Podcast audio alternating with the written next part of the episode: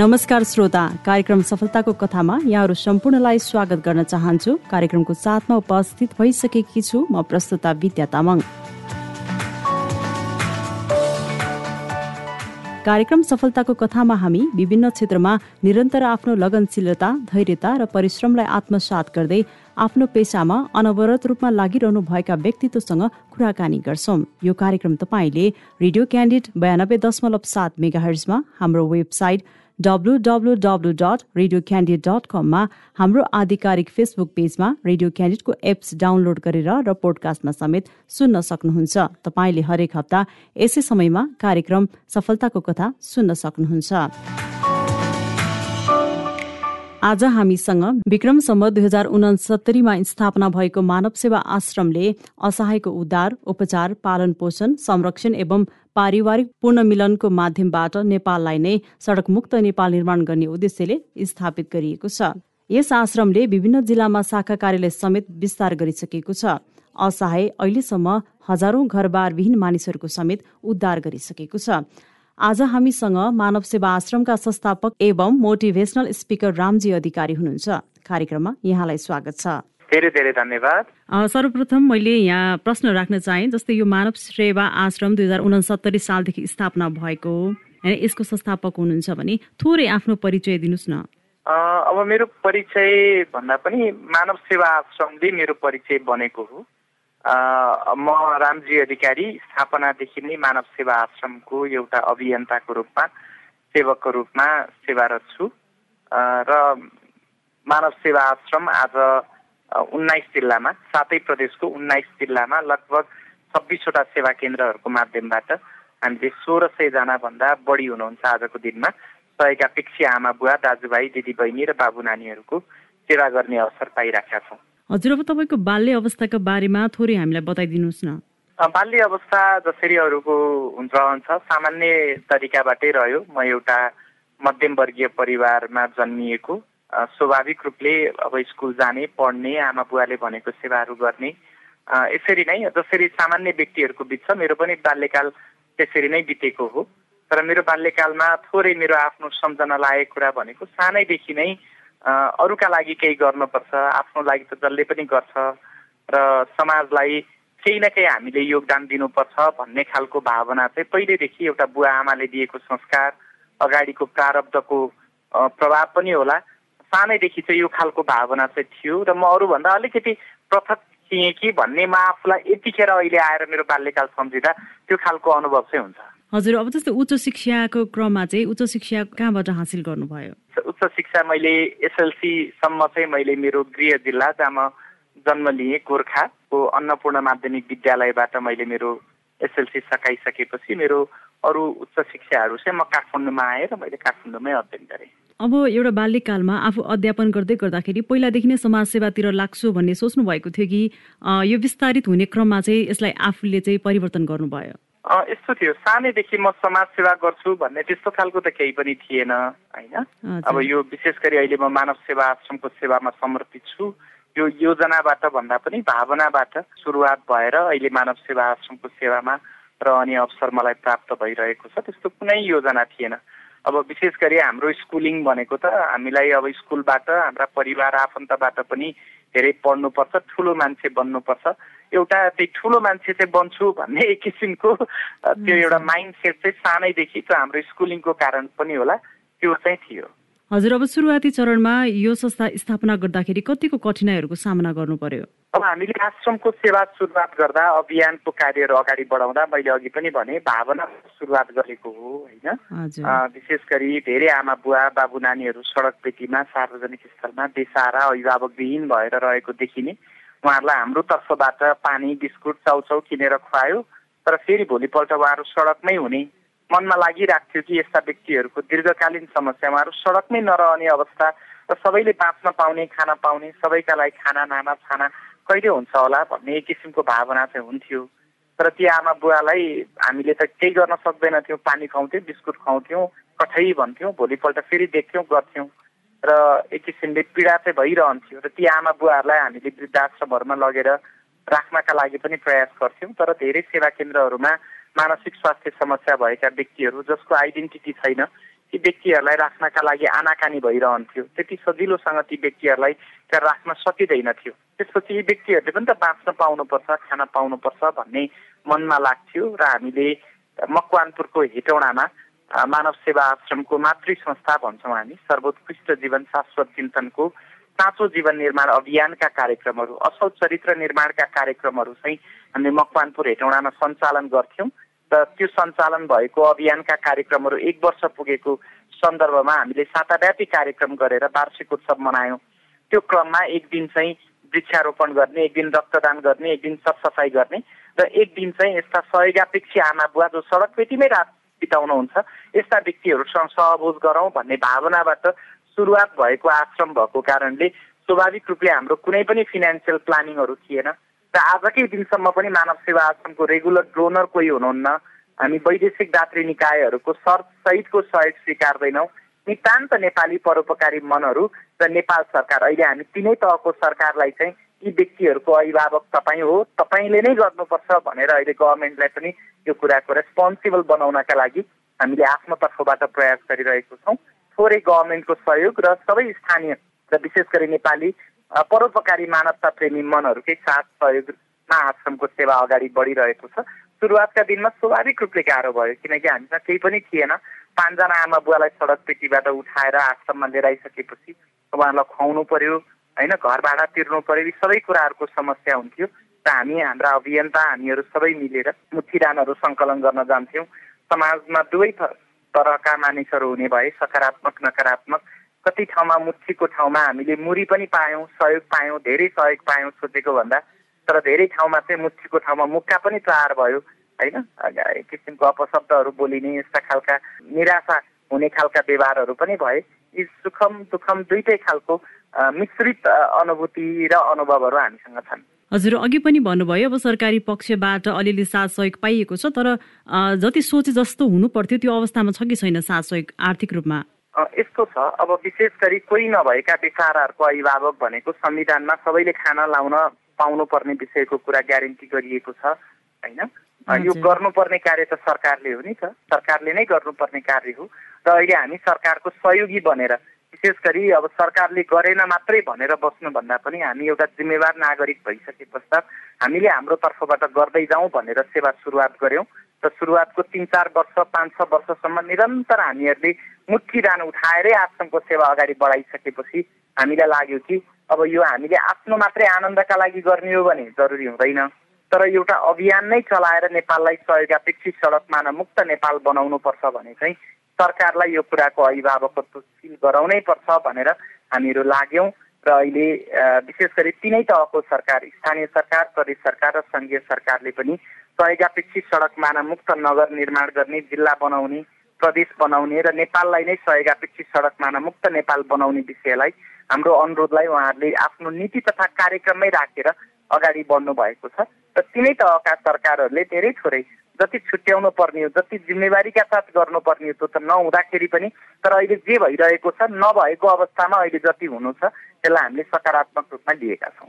हजुर अब जस्तै यस आश्रममा त्यहाँ जस्तै असहाय उद्धार गरिने जुन वृद्ध वृद्ध हुनुहुन्छ बालबालिका पनि हुनुहुन्छ सम्भवतः पूर्ण मिलन पनि गराउनुहुन्छ। यस कुराहरूलाई कसरी अगाडि बढाइरहनु भएको छ? शिक्षा स्वास्थ्य सेवा पनि छ एकातिर स्वास्थ्य पनि छ भने पुनर्मिलन पनि गराउनुहुन्छ भने यो सबैको बारेमा अलिकति हामीलाई बताइदिनुहोस् न। विशेष गरी अब हामी सडक पेटी र सार्वजनिक स्थलमा रहनुभएका बेसारा व्यक्तिहरूलाई अहिले त अब यस्तो एउटा भावना क्रिएट भइसकेको छ कि कोही सडक पेटीमा दुःख पाएर बेसारा भएर बसेको देख्ने बित्तिकै मानव सेवा आश्रमलाई खबर गर्नुपर्छ भन्ने प्रहरी प्रशासन स्थानीय जनप्रतिनिधिहरू र स्थानीय व्यक्तिहरूमा पनि त्यो खालको भावना विकास भएको छ। र हामी बाटोमा हामी अभियन्ताहरू नै पनि प्रत्येक शनिबार बेलुका लगभग साढे सात बजेदेखि लगभग नौ साढे नौ दस बजेसम्म रात्रिकालीन सडक सेवा भनेर हाम्रो नियमित उद्धारको कार्यक्रम हुन्छ। र प्रत्येक दिन नै हामी अभियन्ताहरू दिउँसोको समय एनी टाइम हामी बाटोमा हिँड्दै गर्दाखेरि पनि विभिन्न अरू सेवाहरूमा हिँड्दै गर्दाखेरि पनि कोही व्यक्ति सडकपेटी र सार्वजनिक स्थलमा छ कि भन्ने एउटा निगरानी हाम्रो तर्फबाट हुन्छ। र हामीले त्यस्ता व्यक्तिहरू देख्ने बित्तिकै त हामीले नै प्रहरी प्रशासन स्थानीय जनप्रतिनिधिहरूसँग समन्वय गरेर उहाँलाई उद्धार गरेर आश्रममा लिएर आउँछौँ भने अब अहिले प्रहरीहरूबाट जनप्रतिनिधिहरूबाट स्थानीयहरूबाट पनि त्यो खालको खबर हामीलाई आउँछ। र हामी प्रक्रिया पुरा गरेर ती व्यक्तिहरूलाई उद्धार गरेर आश्रममा लिएर आउँछौँ। उद्धार गरेर आश्रममा लिएर आइसकेपछि सबैभन्दा महत्त्वपूर्ण कुरा भनेको उहाँहरूलाई हामी प्रेमकै औषधि प्रेमको अङ्गालोमा बाँच्छौँ। हामीले जुन एउटा सम्मान इज्जत दिनुपर्छ त्यो सेवा भावका साथ हामी उहाँलाई सहयोग गर्छौँ र उहाँहरू अलिकति खुल्न थालिसकेपछि उहाँहरूले हामीलाई आफ्नो ठानिसकेपछि हामी काउन्सिलिङ गर्छौँ र उहाँहरूको परिवार पत्ता लागेको अवस्थामा चाहिँ हाम्रो पहिलो प्राथमिकता भनेको परिवारमा पारिवारिक पुनर्मिलन रहन्छ। र आजको दिनसम्म हामीले लगभग लगभग दुई हजारभन्दा बढी लगभग छब्बिस सयको हाराहारीमा हामीले विभिन्न इभन बङ्गलादेशमा हामीले पाँचजना नागरिकहरू बङ्गलादेशमै गएर पारिवारिक पुनर्मिलन गराएको छौँ। सयौँ नागरिकहरू भारतीय नागरिकहरूलाई भारतका विभिन्न प्रान्त प्रदेशहरू स्टेटहरूमा गएर पारिवारिक पुनर्मिलन भएको छ भने नेपालको त लगभग मलाई लाग्छ सबै जिल्लाहरू अधिकांश जिल्लाहरूमै पुगेर हाम्रा अभियन्ताहरूले पारिवारिक पुनर्मिलन गराउनु भएको छ। पारिवारिक पुनर्मिलन हुन नसकेका व्यक्तिहरूलाई चाहिँ हामी आश्रममै लौरी स्वरूपको सहारा बनेर सेवा गर्छौँ भने यतिखेर मानव सेवा आश्रममा लगभग दुई सयजना बाबु नानीहरू हुनुहुन्छ। र ती दुई सयजना बाबु नानीहरू मध्येमा लगभग अहिले चालिसजना भन्दा बढी बाबु नानीहरू त आश्रममै जन्मिनु भएको। एउटा मानसिक स्वास्थ्य समस्या भएर एउटा महिला सडकमा पुग्छिन्। विभिन्न कारणबाट उनको गर्व रहन्छ पेटमा बुवाको थाहा हुँदैन। ती महिला सडकमा आइसकेपछि प्रेग्नेन्ट हुन्छन्। हामी आश्रममा लिएर आउँछौँ। आश्रममै ती बच्चाहरूलाई जन्म दिनु भएको छ। र अहिले सबै उमेर समूहका बाबु नानी गरेर लगभग दुई सयको हाराहारीमा बाबु नानीहरू हुनुहुन्छ। यसरी सेवाहरू अगाडि बढिरहेको हजुर अब यो युवा अवस्थामा पनि यसरी समाज सेवाप्रति समर्पित हुँदै गर्दाखेरि जब मानिसलाई बाटोमा अचेत अवस्थामा देख्नुहुन्छ आफूलाई कस्तो महसुस गर्नुहुन्छ? दुःख लाग्छ पीडा लाग्छ। अब त्यही रूपमा अब कोही दिदीहरूलाई देखिन्छ बहिनीहरूलाई देखिन्छ। यदि मेरो आफ्नै दिदी र बहिनी त्यो अवस्थामा भए के हुन्थ्यो होला? धेरै आमा बुवाहरू देखिन्छ ती आमा बुवालाई आफ्नै आमा बुवाको रूपमा हेरियो भने कति पीडा हुन्छ होइन? हुन पनि हाम्रा सन्त होइन? सन्त ऋषि मनिषीहरूले हामीलाई दिएको ज्ञान त यही नै हो नि। वसुदैव कुटुम्बकम विश्व नै एउटा एक किसिमको हाम्रो परिवार हो। र उदार चरिता नान्छु वसुदैव कुटुम्बकम एउटा उदार व्यक्तिका लागि त सबै नै परिवार हो। र आफ्नै आमा बुवा उमेरका आफ्नै दाइ दिदी उमेरका आफ्नै छोराछोरी उमेरका आफ्नै भाइ बहिनी उमेरका व्यक्तिहरू सडक पेटीमा बेसारा भएर अर्काले फालेको खानेकुरा टिपेर खाँदै गर्दाको दृश्यले त स्वाभाविक रूपले एउटा करुणावान एउटा व्यक्तिहरू जसको हृदयमा हरिले बास गरेको छ होइन मानवता प्रेमी हुनुहुन्छ परोपकारी भावनाले ओतप्रोत हुनुहुन्छ ती व्यक्तिहरू मलाई मात्र होइन सबैलाई नै पीडा हुन्छ जस्तो लाग्छ। हजुर अब समाज सेवा एकातिर छ त्यसका साथसाथै एउटा मोटिभेसनल स्पिकर पनि हुनुहुन्छ यहाँ। कसरी आफूमा यसरी व्यक्तित्व विकास गर्नुभयो? हजुर अब विशेष त्यही नै हो। स्वाध्याय नै हो। मैले अघि नै भने म अलिकति हाम्रो यो शिक्षा जुन हाम्रो देशको शिक्षा पद्धति छ म आफै पनि लगभग पच्चिस छब्बिस वर्षसम्म स्कुल कलेजमा मैले मेरो जीवन बिताएँ। अनि म आफैलाई एक दिन आएर रियलाइज भयो कि मैले जति कुरा स्कुल कलेजबाट प्राप्त गरेँ र अहिले मेरो व्यवहारिक जीवन र समाजका लागि मैले प्राप्त गरेको ज्ञान कति फाइदा पुगिरहेको छ भनेर हेर्दा म आफै झस्किएपछि त्यसपछि स्वाध्याय नै सबैभन्दा ठुलो शिक्षा रहेछ। आत्मचिन्तन नै सबैभन्दा ठुलो शिक्षा रहेछ भनेर स्वस्फूर्त रूपमा स्वाध्याय चिन्तन मननबाटै कुराहरू अगाडि बढ्छ र अहिले विभिन्न ठाउँमा सबै ठाउँहरूबाट खबर गर्नुहुन्छ अनुरोध गर्नुहुन्छ। हामीले जानेका कुराहरू अनुभूति गरेका कुराहरू सेयर गर्ने गर्छौँ। हजुर अब शाखाहरू विस्तार हुने क्रममा पनि छन्। एकातिर समाजसेवा पनि लागिरहनु भएको छ। आफ्नो परिवारलाई पनि समय दिनु पर्यो। व्यवस्थापन गर्न कतिको सहज छ? सहज छ हजुर। दुईटा कुरा हुन्छ। एउटा व्यवस्थापन एउटा व्यवस्थापन। सुन्दा उस्ता लाग्छ तर फरक छ नि त होइन? जति जीवनमा व्यवस्थापन बढ्दै जान्छ जीवन त्यति असहज असामान्य हुँदै जान्छ। र जीवनमा जति व्यवस्थापन बढ्दै जान्छ जीवन सरल र सहज भइहाल्छ। र परिवार समाज र अहिले मानव सेवा आश्रम यो सबै एकताको दुईवटा पाटा भएको जस्तै हो। र यतिखेर मेरो सिङ्गो परिवार पनि मसँगै आश्रमको सेवामा अभियानको सेवामा समाहित हुनुहुन्छ। हामी सबैजना मिलेर सेवामा अगाडि बढिराखेको छौँ। त्यो कारणले गर्दा अलिकति सजगता सहज सजगता भइसकेपछि अहिले त्यस्तो कुनै अप्ठ्यारो परेको अनुभूति भएको छैन हजुर। सबै राम्रो छ। हजुर अब अहिलेको युवा पिँढीमा प्रतिको मोह कस्तो पाउनु भएको छ हजुरले? राम्रो छ हजुर। अब अहिले हामी देख्न सक्छौँ यो कोभिडकै बेलामा पनि होइन अनि विभिन्न असामान्य परिस्थितिहरू भूकम्पदेखि लिएर विभिन्न परिस्थितिमा समाजसेवाप्रति युवाहरूको रुचि एकदमै बढ्दै गइरहेको छ।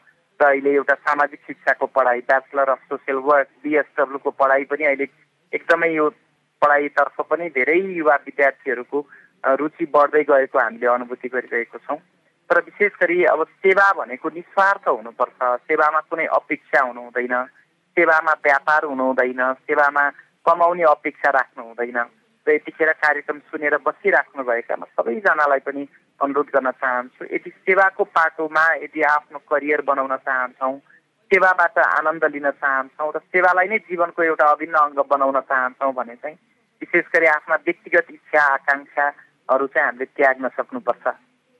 र अहिले अलिकति समाजसेवाप्रति सबैजनाको रुचि र चासो बढ्दै गएको त छ तर जुन क्वालिटीको सेवा हुनुपर्ने हो त्यो चाहिँ कता कता नभएको अनुभूति अलिकति एउटा सो अफ गर्नका लागि देखाउनका लागि आफ्नो एउटा हृदयलाई आत्मसन्तुष्टिका लागि भन्दा पनि अरूलाई देखाउनका लागि चाहिँ समाजसेवा बढ्दै गएको हो कि भन्ने अनुभूति हुन्छ। यसले चाहिँ समाजलाई सही दिशातिर लिएर जाँदैन भन्ने मेरो बुझाइ छ। हजुर अब यस संस्थाका शाखाहरू विस्तार हुने क्रममा पनि छन् कि अहिलेलाई? हजुर अहिले यतिखेर मानव सेवा आश्रम सोह्रवटा जिल्लामा अहिले यतिखेर सञ्चालन नै छ।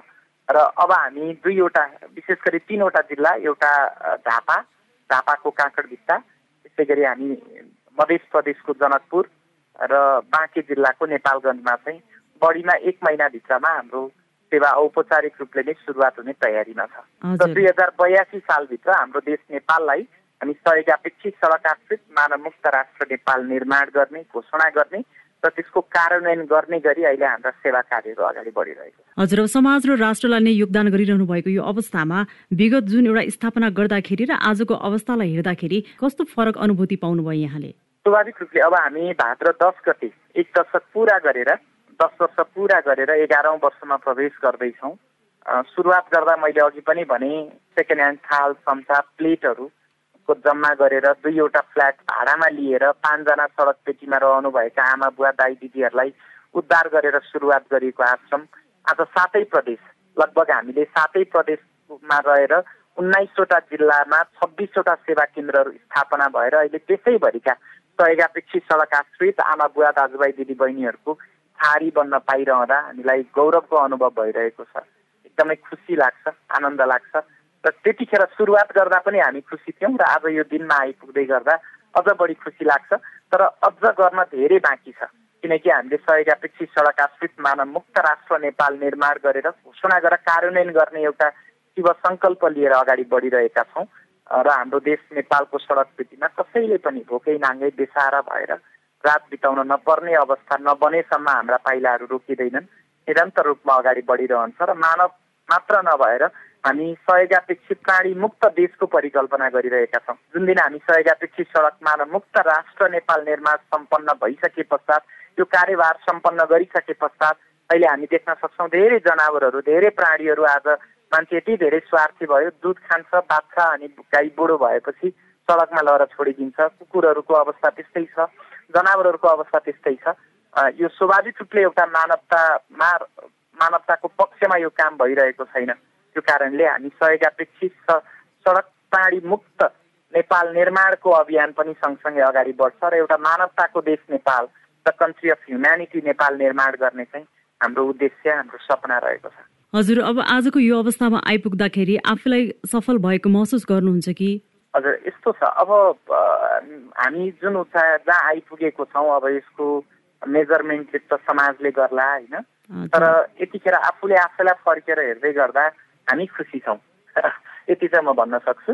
हामी खुसी छौँ तर हामीले समाजमा के गर्न सक्यौँ सकेनौँ त्यो त अब समाजले नै होइन एक्जामाइन गर्ने कुरा भयो।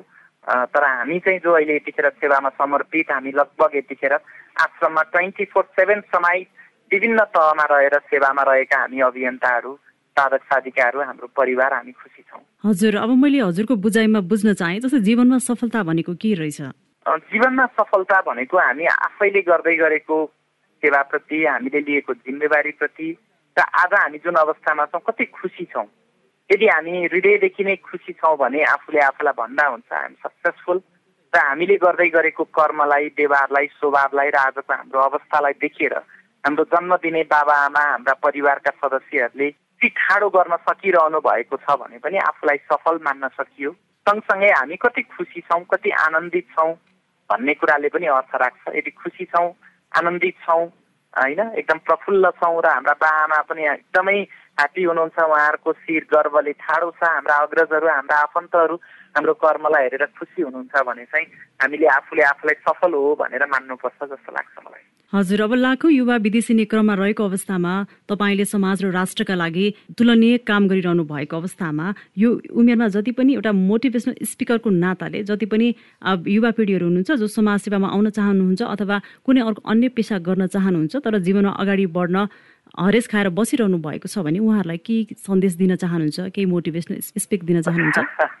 हजुर यसमा एउटै कुरा भन्न चाहन्छु। हारहरूमा होइन जीवन जितहरूमा फुलाउनु पर्छ हारहरूमा होइन जीवन जितहरूमा फुलाउनु पर्छ हामी बाँचेको सुन्दर कहानी भावी पुस्तालाई सुनाउनु पर्छ भावी पुस्तालाई सुनाउनु पर्छ अझ धेरै मानिसहरू देशमा सम्भावना छैन बेरोजगारी छ होइन? अब राजनीतिक अस्थिरता छ भन्ने विभिन्न समस्याहरूको कारण चाहिँ विदेशिनु पर्ने अवस्था छ।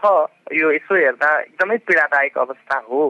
तर फेरि पनि हामी सबै देशहरूलाई निहालेर हेरौँ। आज जति पनि देशहरू बनेका छन् समृद्ध बनेका छन् सफलताको शिखर चुमेका छन् सबैलाई निहालेर हेर्ने हो भने त्यो देश त्यही देशका नागरिकहरूले नै बनाएका छन्।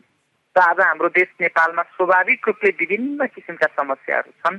तर यही समस्याकै बिचमा समस्याकै बिचमा होइन कोरिया जस्ता देशहरू केही वर्ष अगाडि हामीले नै उहाँहरूलाई गाउँ पठाउँथ्यौँ रे भन्ने कुराहरू हामी हाम्रा अग्रजहरूबाट सुन्न पाउँछौँ।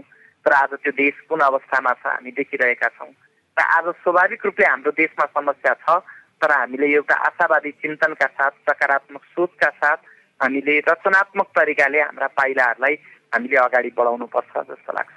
हजुर कार्यक्रममा आएर आफ्नो व्यस्तताका बावजुद पनि हामीलाई समय उपलब्ध गराइदिनु भयो यहाँलाई हृदयदेखि आभार प्रकट गर्न चाहन्छौँ। हजुरलाई पनि धेरै धेरै धन्यवाद मेरा भावनाहरू सबैजनाको बिचमा राख्ने यो अवसर प्रदान गर्नुभयो गर्ने व्यक्तिभन्दा गर्नलाई प्रेरणा दिने व्यक्तिलाई अध्यात्ममा महान मानिएको छ तपाईँ एउटा प्रेरणा बनेर मेरा भावनाहरू सबैजनाको बिचमा पुर्याउन भूमिका निर्वाह गरिदिनु भयो धेरै आभार व्यक्त गर्छु श्रोता आजको कार्यक्रममा हामीले मानव सेवा आश्रमका संस्थापक एवं मोटिभेसनल स्पिकर रामजी अधिकारीसँग कुराकानी गर्यौं। तपाईँलाई आजको कार्यक्रम मन पर्यो होला यसले तपाईँलाई पनि प्रेरणा दियो होला भन्दै कार्यक्रमको साथबाट म प्रस्तुता विद्या तामाङ पनि विदा हुन्छु। नमस्कार।